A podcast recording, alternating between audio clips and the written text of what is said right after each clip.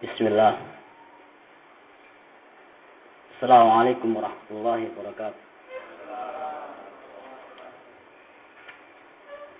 إن الحمد لله نحمده ونستعينه ونستغفره ونعوذ بالله من شرور أنفسنا من سيئات أعمالنا. من يهدي الله فلا مضل له ومن يضلل فلا هادي له. أشهد أن لا إله إلا الله وحده لا شريك له. وأشهد أن محمدا عبده ورسوله صلى الله عليه وعلى آله وأصحابه وسلم تسليما.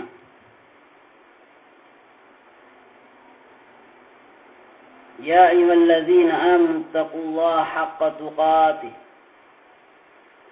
ولا تموتن إلا وأنتم مسلمون. يا أيها الناس اتقوا ربكم الذي خلقكم من نفس واحدة وخلق منها زوجها وبث منهما رجالا كثيرا ونساء واتقوا الله الذي تساءلون فيه والأرحام. إن الله كان عليكم رقيبا يا أيها الذين آمنوا اتقوا الله وقولوا قولا سديدا. يصلح لكم أعمالكم ويغفر لكم ذنوبكم. ومن يطع الله ورسوله فقد فاز فوزا عظيما. فإن أصدق الحديث كتاب الله وخير الهدى هدى محمد صلى الله عليه وآله وسلم. وشر الأمور محدثاتها فإن كل محدثة بدعة وكل بدعة ضلالة وكل ضلالة في النار. أيها الناس رحمني ورحمكم الله جميعا. Alhamdulillah kita panjatkan puji syukur kehadirat Allah Subhanahu wa taala dengan senantiasa memujinya. Muji Allah Subhanahu wa taala karena Allah Subhanahu wa taala memiliki nama-nama yang husna dan sifat-sifat yang ulia. Dan kita puji Allah Subhanahu wa taala karena perbuatannya yang berputar antara keadilan dan fadilah. Coba kita puji Allah Subhanahu wa taala karena nikmat yang Allah berikan kepada kita. Betapa banyak nikmat yang Allah berikan kepada kita. Hingga seandainya kita menghitungnya, alat apa pun, secanggih apa pun tidak akan mampu untuk digunakan menghitung nikmat-nikmat Allah Subhanahu wa taala. Demikian Allah katakan. Wa in ta'uddu ni'matallahi la tuhsuha. Jika kalian hendak menghitung nikmat-nikmat Allah Subhanahu wa taala niscaya tidak akan mampu untuk menghitungnya. Bagaimana mungkin kita akan menghitung nikmat Allah Subhanahu wa taala? Allah menyatakan, "Wa ma fikum min ni'matin faminallah." Apa pun yang ada padamu dari kenikmatan, itu semuanya dari Allah Subhanahu wa taala. Fasakir maka seorang yang bersyukur kepada Allah Subhanahu wa taala terhadap nikmat-nikmat tersebut itu harus ada padanya tiga perkara. Yang pertama al-i'tirafu bi qalbihi yaitu mengakui dengan hatinya bahwasanya kenikmatan semua kenikmatan itu dari Allah Subhanahu wa taala. Yang kedua, at-tahaddus bi ni'matillah menceritakan mengucapkan ini adalah nikmat Allah Subhanahu wa taala. Allah mengatakan fa amma bi ni'mati rabbika fahaddits. Maka terhadap nikmat-nikmat Rabbmu hendaknya engkau ceritakan. Dan yang ketiga, isti'malu dzalika ni'am ala sabilil khair menggunakan kenikmatan-kenikmatan tersebut di atas jalan-jalan kebaikan. Maka barang siapa na amarakallahu yang bisa menjalankan tiga perkara ini ketika dia mendapat nikmat dari Allah Subhanahu wa taala maka dia adalah abdun abdun syakur, abdun syakir. Seorang hamba yang bersyukur. Dan kalau itu terus-terus ia lakukan menjadi abdan syakuro. Inilah yang di Nah, yang ada pada Rasul sallallahu alaihi wasallam ketika na'an marakallahu fikum beliau salat sampai kakinya bengkak. Ditanya oleh istrinya yang tercinta, Aisyah, "Wahai Rasulullah, mengapa engkau beribadah kepada sampai seperti itu? Padahal engkau adalah hamba yang di ampuni dosa-dosanya yang telah maupun yang akan datang. Maka Rasul mengatakan, Afala aku abdan sakura. Apakah nggak boleh saya menjadi eh, seorang hamba yang bersyukur? Yang senantiasa bersyukur. Ikhwani fiddin rahimakumullah. Maka di sini perlunya kita mengingat nikmat-nikmat Allah Subhanahu wa taala untuk kita bersyukur kepadanya. Di antara nikmat Allah Subhanahu wa taala adalah keberadaan kita di majlis ilmu. Ikhwan rahimakumullah. Perlu diketahui ikhwan rahimakumullah ma ya'ti zamanun illa man ba'dahu syarran min min qabli. Tidaklah datang amarakallahu fikum satu zaman melainkan orang-orang yang hidup setelahnya itu lebih jelek daripada kita juga pernah mendengar riwayat dari Nabi alaihi salatu wassalam badiru bil a'mali fitanan. Kakhita'il lail mublim. Yusbihu ar-rajul mu'minan wa yumshi kafiran. Wa yusbihu ar-rajul kafiran wa yumshi mu'minan. Yabi'u dinahum bi aradin segeralah kalian beramal. Karena akan ada fitnah yang datang. Bertubi-tubi bagaikan potongan-potongan malam yang gelap kulit. Pagi hari, seorang dalam keadaan mukmin sorenya telah menjadi kafir. Pagi hari dalam keadaan kafir, sorenya telah menjadi mukmin kembali. Ya terasa. Ikhwan fi rahmatullah. Ya fi utinakum bi aradin dunya karena mereka anwar kalafikum telah menjual agamanya dengan sedikit perhiasan dunia. Ini merupakan amar kelahul khabar dari Rasul Sallallahu Alaihi Wasallam yang harus kita yakini bahwasanya di akhir zaman itu akan terjadi fitnah yang sangat banyak.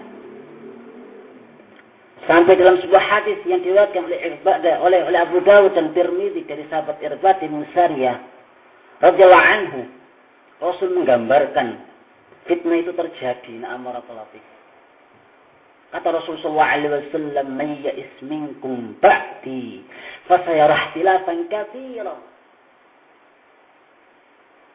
Barang siapa yang hidup setelahku nanti, dia akan mendapatkan ikhtilaf yang sangat beradabitan. Ikhwani fiddin rahmat. Dari situ terbunuhnya Utsman, terbunuhnya Ali. Huru hara terjadi di antara mereka. Ikhwani fiddin Itu masih betapa dekatnya masa mereka dengan masa Rasulullah SAW. Lantas bagaimana dengan dengan kita? Jauh sekali na'amurakullah. Maka fitnah fitnah yang terjadi akan semakin banyak. Lantas apa yang harus kita lakukan? Ikhwani fitin rahimakumullah dengan fitnah-fitnah tersebut. Maka bersyukurlah ikhwan rahimakumullah. Orang yang mau menjadi apa yang dikatakan oleh Rasul sallallahu alaihi wasallam kunu aliman au muta'allima. Jadikan kalian, jadilah kalian sebagai orang yang berilmu atau orang yang belajar ilmu. Dan Rasul SAW tidak memberikan yang lainnya. Tidaklah Rasul mengatakan kunu tajiran. Tidak pula Rasul mengatakan kunu ya, yang lain-lain selain daripada itu.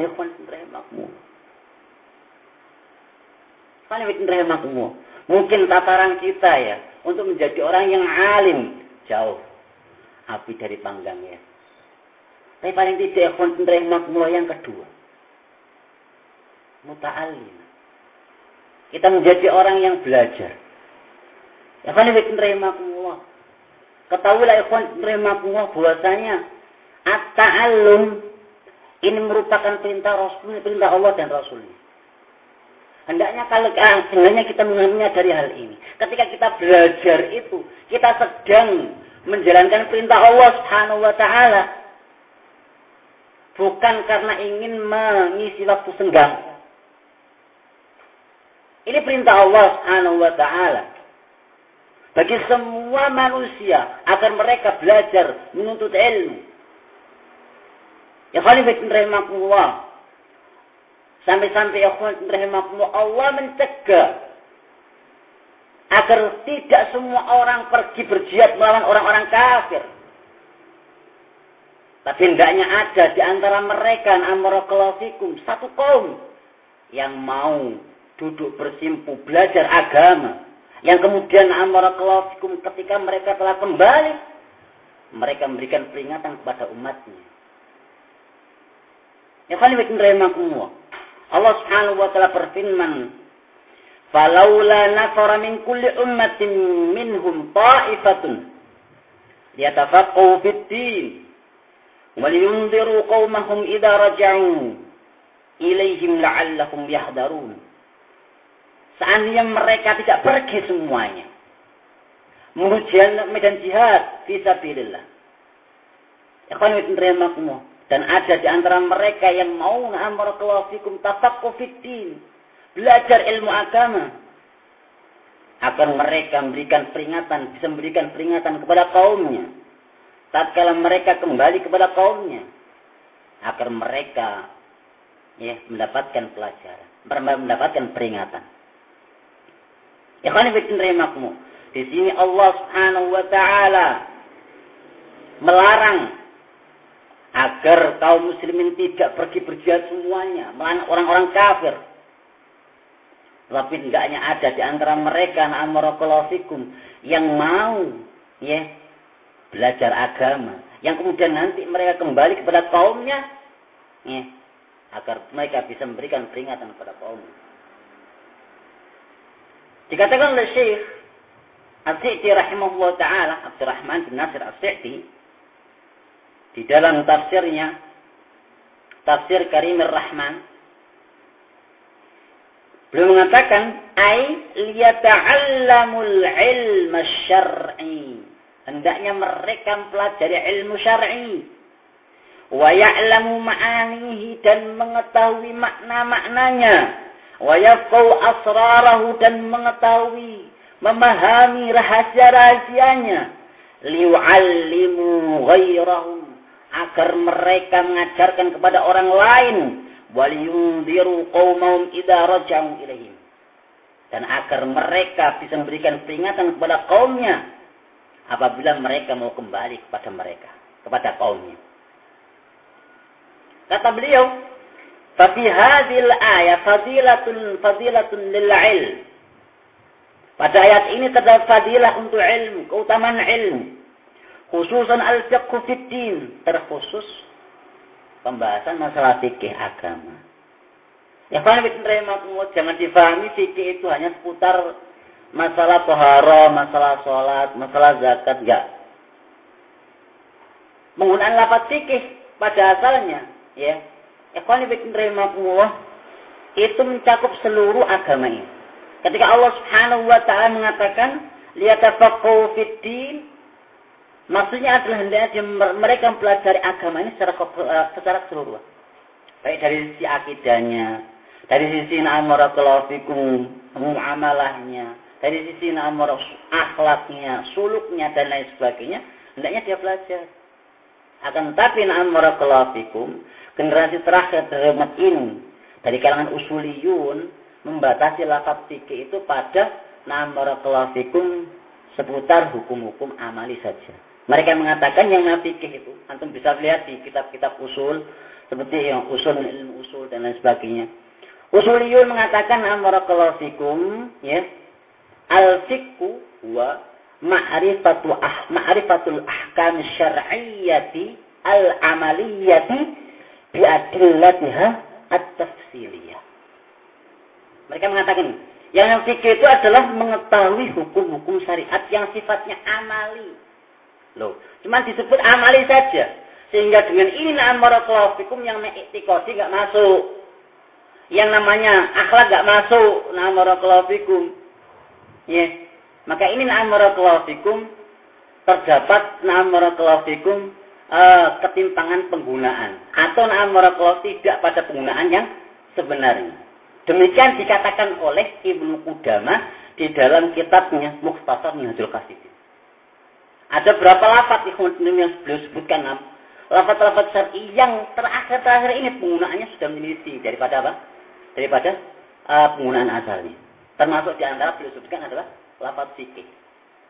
Kan menerima Ya, maka dikatakan khususan al-fiqhu fiddin ini adalah mencakup seluruhnya mencakup masalah akidah.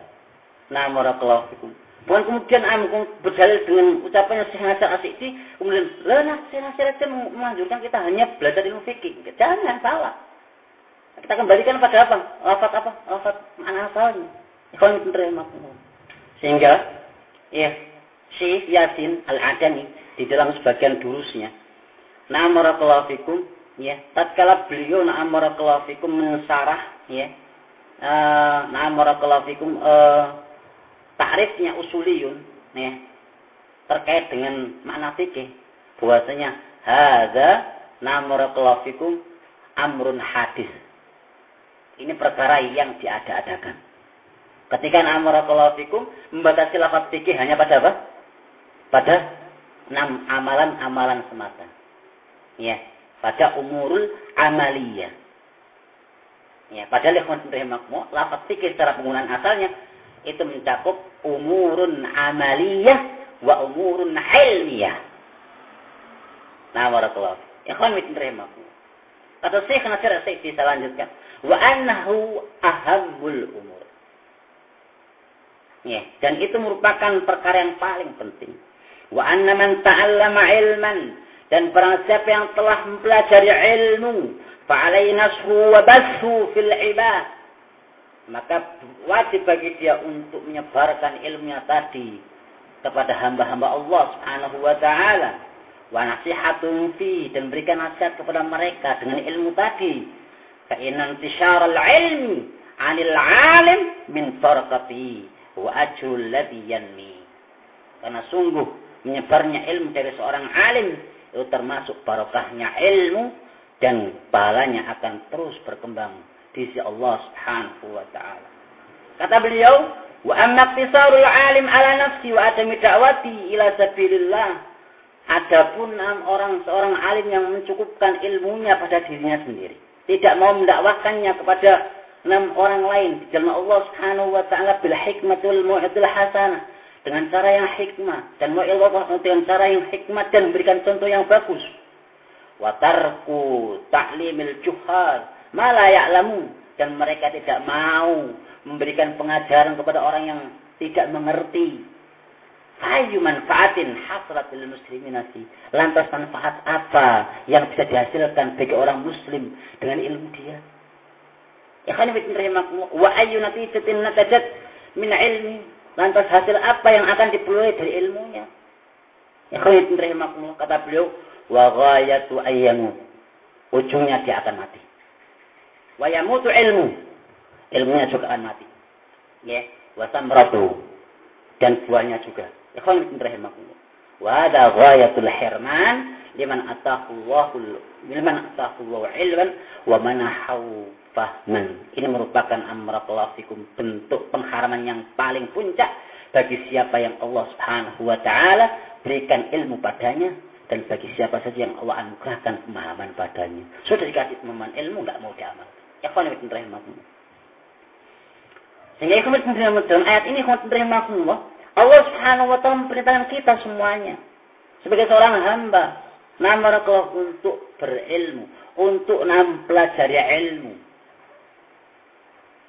Dalam rangka itu, Allah Subhanahu wa taala memerintahkan kepada kita agar kita mau bertanya kalau nggak mengerti, nggak mengerti, agar kita mengerti.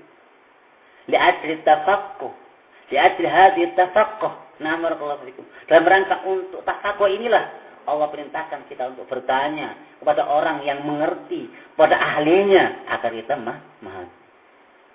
Allah Subhanahu wa taala mengatakan dalam Al-Qur'an tepatnya di dalam surat An-Nahl juga dalam surat Al-Anbiya Allah mengatakan fasalu ahlal zikri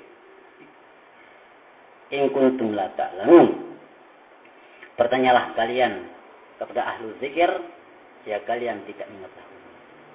Sini khawatun rahimakumullah Allah perintahkan kita untuk bertanya kepada ahlu zikir. Orang-orang yang paham orang-orang yang ahli. Bukan sembarang orang. Ikhwan rahimakumullah. Karena ini adalah agama urusan yang paling penting yang ada pada diri kita. Nah sehingga kita bertanya kepada orang yang yang apa? Yang ahli. Nah warahmatullahi Ikhwan Fiddin rahimakumullah. Nah. Dan perlu diketahui ya bahwasanya terkait masalah soal ahli ilmi ini, nah barakallahu fikum, bertanya kepada ahli ilmi. Ini ada berapa yang berapa perkara yang harus kita perhatikan. Yang pertama ya Muhammad rahimakumullah. Ya. La yas'aluhum ya illa li ajli tafaqquh. Ya Ikhwan rahimakumullah tidak bertanya kepada mereka al ilmi kecuali dalam rangka untuk ya tafakuh berupaya untuk memahami. Dikarenakan al-soal anwa. Bertanya itu macam-macam. Ada yang namanya soalul imtihan. Ya. Bertanya dalam rangka ngetes. Ya. Tes nah. Iki pinter apa ora Pak Yai. Nah. Wahada min qalilil adab. Ini termasuk adab yang sangat sedikit. Enggak punya adab orang teman-teman. Terjadi yang Allah pada Al-Imam Ibnu Ma'in rahimahullah. Yahya Ibnu Ma'in, Imam Jarwat Ta'dil. Suatu ketika Amarakallahu fikum beliau juga Imam Ahmad rahimahullah taala Ahmad bin Hanbal. Dan Amarakallahu fikum uh, Mansur Ibnu uh, Mansur Ibnu Kausat. Namanya siapa? Ibnu uh, Mansur Ibnu Kausat. Ketika mereka apa uh, selesai Amarakallahu mengambil riwayat dari seorang imam dari Yaman. Yang waktu itu adalah Abdul Razak As-Sun'ani. Mereka pulang ke Baghdad. Sepulangnya dari Yaman, dia ingin mendatangi seorang ya, imam namanya Abu Nuaim. Ya, Abu Nuaim. Bidin Rahimahullah, Abu Nuaim namanya Namarakallahu Fadl Ibn Dukain, Al-Mulai seorang imam yang memiliki nama barakallahu fikum kitab Hilyatul Aulia. Ya. Kata Ibu Ma'in, ayo kita ini apa kita tanya Abu Nuaim. Saya ingin tes dia nah Dia ini betul-betul nama barakallahu fikum sahabat pada apa ayat apa kokoh hafalannya apa tidak nah, ya saya datang bertiga ini Yahya Ma'in Kemudian Amarakallahu Fikum, Imam Ahmad dan Mansur bin Kausaj. Datang sampai di hadapan eh, Abu Nuaim, ya, Yahya bin Nuaim mengatakan, ya, Wahai Syekh, izinkan saya untuk membacakan riwayat. Nah, Barakallahu Fikum. Akhirnya dibacakan riwayatnya, tapi saatnya dibolak-balik sama dia. Nah, Barakallahu. Sekali Jaya semacam itu. Dua kali jaya kerasa. Barang tiga kali namar jaya lihat sama Muhammad. Adapun kamu telah menghalangi kamu untuk melakukan ini karena maroknya kamu. Kemudian nilai kepada apa? Menoleh ke, ke Mansur Ibn. Adapun kamu, kamu bukan ahli. Adapun kamu, langsung ditendang sama dia. Ya, ditendang sama. Ya, nama Abu Nuhaim. Nama Rasulullah Fikum. Fadl Mudukain. Karena itu enggak ada. tanya tapi ngetes. Orang kalau orang semacam ini layak untuk di, di, di, dikasih pelajaran seperti apa? Yahyu main warahmatullahi Ikhwan bin rahimakum. Yang kedua ikhwan bin rahimakumullah, soal ta'annud. Tanya dalam rangka berengkel.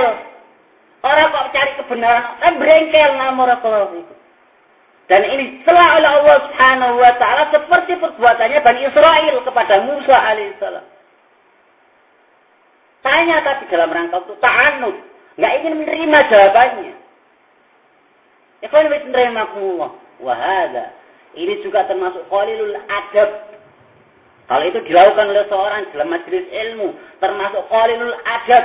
Nah, warahmatullahi. Ikhwan wa rahimakumullah. Ketika mereka bertanya kepada Musa alaihi salam tentang bagaimana mereka menyelesaikan permasalahan yang ada pada mereka saat itu ada seorang terbunuh di kalangan mereka. Qanibitin rahimakumullah. Kemudian datang kepada Nabi Nabiullah Musa alaihissalam untuk memutuskan siapa pelaku pembunuhan ini. Maka Nabi Musa alaihissalam merintahkan kepada mereka antazbahu bakar agar mereka menyembelih seekor sapi. Kalau seandainya mereka langsung nyembelih saya itu selesai. Tapi tanya, sapi ini kaya apa? Nah, Rasulullah. Sapi ini kaya apa? Ditanya lagi, tanyalah kepada Tuhan Wahai Musa. Ya, sapinya seperti apa? Ya. Ya. Kata Nabi Musa, ya wahyu dari Allah Subhanahu wa taala, la faridun wala dikar. Wis, ora tua gak nom. Ya, gak tua, gak nom. Sedengan. Alasannya langsung dijelaskan selesai sudah amor ini. Tapi tanya lagi amor kawafikum. Ya, bernane apa? Amor kawafik. Ya, akhir dia itu dijawab lagi.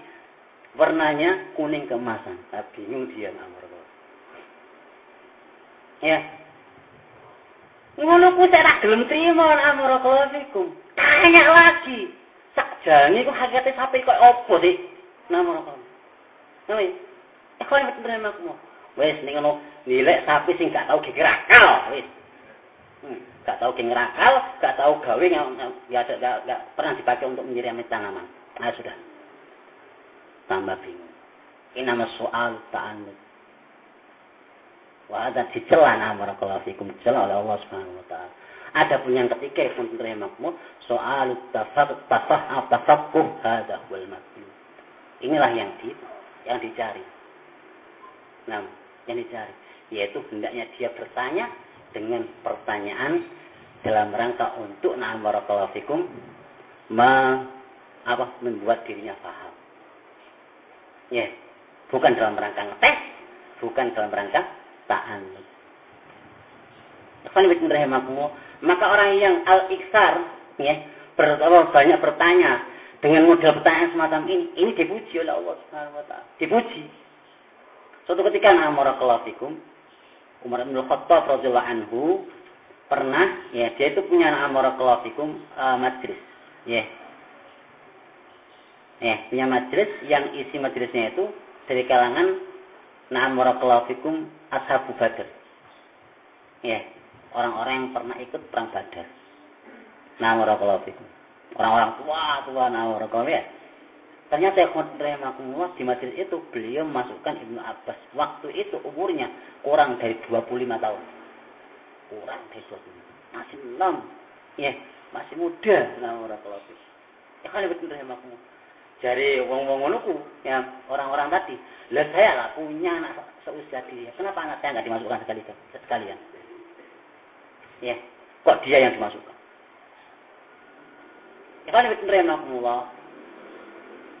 Maka Umar ingin memberikan pengertian kepada mereka. Nah, kata Umar Amarakullah, huwa syabun kahu lahu qalbun akul walahu lisanun sa'um. Lihat ini Amarakullah. Dia ini adalah seorang pemuda tapi kayak orang yang sudah dewasa punya hati yang gampang memahami. Punya lisan yang banyak bertanya. Ini maksudnya yang saya sebutkan. Jadi tafakuh itu dipuji. Dia banyak bertanya, sampai kita kalau melihat riwayatnya Ibn Abbas Rasulullah anhu. Beliau ini Amarakullah sangat semangat belajar. Suatu ketika Amarakullah dia ngajak temannya. Ayolah kita belajar. Kita para sahabat. Cari temannya itu mau. Awak jadi sopo. Sahabat siapa? Kita nggak akan kanggu. Rasa kanggu awak diri Sahabat siapa? Nama Rasulullah itu. Akhirnya tinggalkan. Dia pun mengutuk ke rumah pintu-pintu rumahnya para sahabat. Minta riwayatnya semua. Masya Allah. Akhirnya dia jadi seorang yang alim. Namarakallahu dalam keadaan dia mengetahui sahabatnya tadi. Mengetahui betapa tinggi derajatnya. Apa? Ilmu Abbas dengan ilmu. Ya kan menerima sampai suatu ketika Namarakallahu Umar me, apa, me, ingin membuktikan kepada mereka orang-orang ya Al Badr yang sebagai teman duduknya itu tentang fakihnya, tentang ilmunya Ibnu Abbas. Nah, fikum. Maka ya rahimahullah di tengah-tengah perkumpulan tersebut Umar bertanya, "Mada taquluna bi qouli ta'ala idza ja'a nasrullah Apa yang kalian katakan tentang firman Allah Subhanahu wa taala, "Idza ja'a nasrullah wal Wa ra'aitan nasa yadkhuluna fi dinillahi afwaja." Fasabbih bihamdi rabbika wastaghfir innahu kana tawwab. Maka dijawab oleh orang-orang tua tadi, nah fikum dari kalangan ahli ibadah, ini adalah perintah agar kita bertasbih kepada Allah setelah mendapatkan nikmat. Iya betul. Ya, tapi ketika ditanya kepada Ibnu Abbas, apa pendapatmu Ibnu Abbas? Kata Ibnu Abbas namanya, Hada na'yu Rasulillah SAW. Ayat ini merupakan pengumuman akan kematian Nabi Allah. Ya. Ketika Nabi telah datang, ya, ya telah datang kemenangan dari Allah Subhanahu wa taala. Dan nikmat Allah telah ditimpah di, di, di apa? dicurahkan seluruhnya. Maka saat itu hendaknya kamu apa? Kamu apa? Kamu eh beristighfar kepada Allah Subhanahu wa taala karena sebentar lagi kamu akan meninggal menghadap Allah Subhanahu wa taala. Kata Umar, tidak ada yang aku paham seperti melainkan seperti pemahaman kamu. Menunjukkan ikhwan rahimakumullah fakihnya Ibnu Abbas radhiyallahu ini mereka mengetahui. Ya, dari kisah itu ikhwan rahimahullah yang kita ambil tadi tadi namarakallahu fikum. Al-iksar ya, berbanyak-banyak ya, bertanya model ini, soal tafakuh itu dipuji. Kalau kita nggak nggak paham namarakallahu fikum, hendaknya bertanya. Namarakallahu fikum. Disebutkan oleh Ibnu Mas'ud radhiyallahu anhu sebuah asar namarakallahu fikum. Inna ahadakum Sungguh salah seorang di antara kalian la yazal fi khairin mattaqau billah. Mattaqau, mattaqau billah. Ayo, mattaqallah. Sungguh salah seorang di antara kalian akan senantiasa berada di atas kebaikan selama dia bertakwa kepada Allah Subhanahu wa taala. Wa idza syakka fi nafsihi kalau terdapat keraguan pada dirinya syai'un sesuatu sa'ala rajulan alimah dia hendaknya bertanya kepada seorang yang alim. Fasyafau min. Niscaya orang alim tersebut akan mengobati sakitnya. Mengobati keraguan-raguannya. Wa ausaka Allah tajidu. Hampir-hampir keraguan itu pun hilang. Tidak, tidak ada. Ya kalau kamu ber, bertanya. Kalau nama kita diam saja nak barakallah nggak usah tanya ditanya tafam nggih. Tafam nggih nah barakallah nah ini nah barakallah ini yang pertama. Yaitu dalam bab ini ada soal soal tafakkur itu yang penting. Kemudian yang kedua buat menerima kumullah ya yaitu bertanya kepada orang yang ahli. Dan ini masalah hidup dan mati nah barakallah masalah hidup dan mati. Kalau kita bertanya kepada orang yang nggak ahli Masya Allah. Sebuah contoh yang disampaikan oleh Rasulullah SAW. Ya, dalam sebuah riwayat ketika Rasulullah SAW nama Rasulullah menceritakan tentang membunuh 100 nyawa. Kita semuanya sudah itu. Sudah paham, sudah tahu, sudah mungkin sudah kenal Rasulullah riwayat tersebut, hadis tersebut. Tapi di situ mau kita bisa menarik kesimpulan pentingnya bertanya dan bertanya kepada orang yang yang ahli. Ketika bertanya kepada orang yang enggak ahli, maka dia akan amarakallahu terjatuh bahaya, pada bahaya, kepada kebinasaan baik pada dirinya maupun pada orang yang ditanya atau pada orang yang lainnya. Ya kan betul Saya lihat ketika ada seorang pembunuh, pembunuh 100 apa 99 nyawa dia bertanya kepada manusia, an a'lami ahlil tentang orang yang paling paham, tentang orang yang paling berilmu. Ya. Yeah. Fadulluhu ila rahim. Ternyata mereka menunjukkan amarakallahu fikum ya dia kepada seorang rahib. Rahib itu tukang ibadah, Pak. Tapi nggak ada ilmu. Nah, amarakallahu, datangilah rahib tersebut. Sampai di rahib dia ceritakan, saya telah membunuh 99 nyawa. Apakah ada tobat bagi saya nama Rasul? Karena bodoh tadi dia mengatakan, lah, nggak ada tobat bagi kamu. Kan dijawab, lah itu di sebelah sisan Rasul, tukang ibadahnya tadi. Coba lihat, binasa untuk dirinya sendiri yang bertanya, sehingga dia membunuh orang tadi, yang seharusnya dia hanya membunuh 99 nyawa, akhirnya genep jadi 100. Ya kan? Bila pula yang ditanya amarakallahu fikum. Ya kan aku. Karena akhirnya jadi, jadi rasaran emosinya dia amarakallahu fikum. Ya kan aku. Tapi coba bedakan ketika dia ditunjukkan pada seorang yang ahli. Orang yang ahli di dalam berfatwa, orang yang ahli dalam ilmunya. Maka dia mendapatkan keberuntungan, mendapatkan kesuksesan. Kuat aku. Dapat ampunan dari Allah subhanahu Ya, dia melalang buana, cari tahu tentang orang yang paling alim. Maka ditunjukkan kepada orang yang berilmu. Ditanya tentang permasalahannya, saya telah bunuh seratus nyawa. Gimana? Ada tabatnya. Ya kalau menerima dijawab sama orang tersebut, nah. Ya, siapa yang menghalangi tobatnya seorang hamba dengan dengan apa? Dengan Allah Subhanahu wa taala. Enggak ada yang bisa menghalangi. Di sini menerima alim tadi tidak hanya menjawab permasalahannya, tapi dikasih solusi.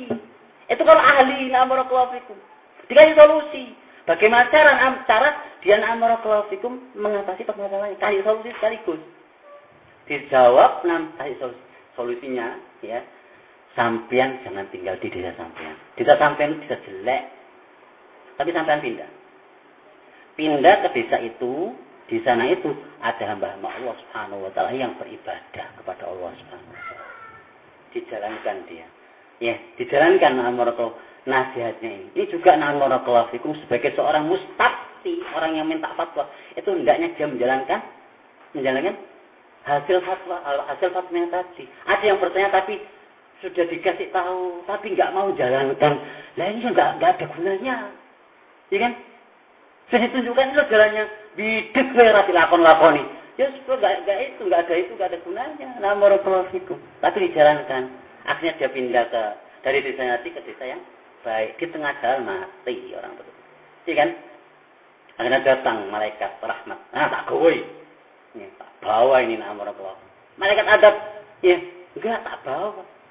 Lu kok bisa? Dia ini datang kepada Allah dengan menghadapkan hatinya Ya, nama kalau mukbilan biqalbi, mukbilan ilallah biqalbi. Dia datang pada Allah dengan hatinya. Takut mereka datang ngomong. Nama kalau itu. Mereka ada, lah, takut soalnya dia enggak pernah melakukan kebaikan sama sekali. Maka Allah Subhanahu wa taala mengutus satu, satu orang malaikat untuk mengamar Allah memutuskan perkara ini. Ya, sudah sudah. Aja. Antum ukur. Ya. Ukur mana jarak yang paling dekat. Ke desa yang dituju atau ke desa asal maka diukur. Ikhwan bin rahimakumullah, ternyata ikhwan bin rahimakumullah dekat kepada jarak ke desa yang dituju hanya satu jengkal hanya satu jengkal ikhwan bin rahimakumullah maka dia pun menjadi orang yang bahagia perhatikan ikhwan bin rahimakumullah soal amurakallahu ya kepada orang yang ahli ini berkaitan dengan hidup dan mati kita sehingga benar apa yang dikatakan Amarakallahu oleh Ibnu Sirin rahimahullah taala. Inna hadzal ilma tin. Agama eh, ilmu ini adalah agama. Ya sampai belajar tauhid, belajar fikih, belajar saraf, belajar bahasa belajar ini agama. Maka kata, kata beliau, fal yang dur ahadukum amman ta'khudu dinakum. Maka hendaknya kalian perhatikan ya dari siapa engkau akan mengambil agama agama kalian. Al-afuna mungkin sampai sini yang bisa kami sampaikan. Ya. Apabila ada ucapan yang kurang berkenan, Masya Allah. Anak basyarun. Misrukum. Ya. Saya ini manusia seperti kalian. Ya dari ini al-khotok wal zalal wal nisyan menimpa saya kesalahan, ketergelinciran dan kelupaan. Maka besar kemapanan antum. Kami harapkan Semoga Allah Subhanahu wa taala memberikan rahmat pada kita semuanya. Subhanakallahumma bihamdika asyhadu an la ilaha illa anta astaghfiruka wa atubu ilaik. Tafadhalu wa Assalamualaikum warahmatullahi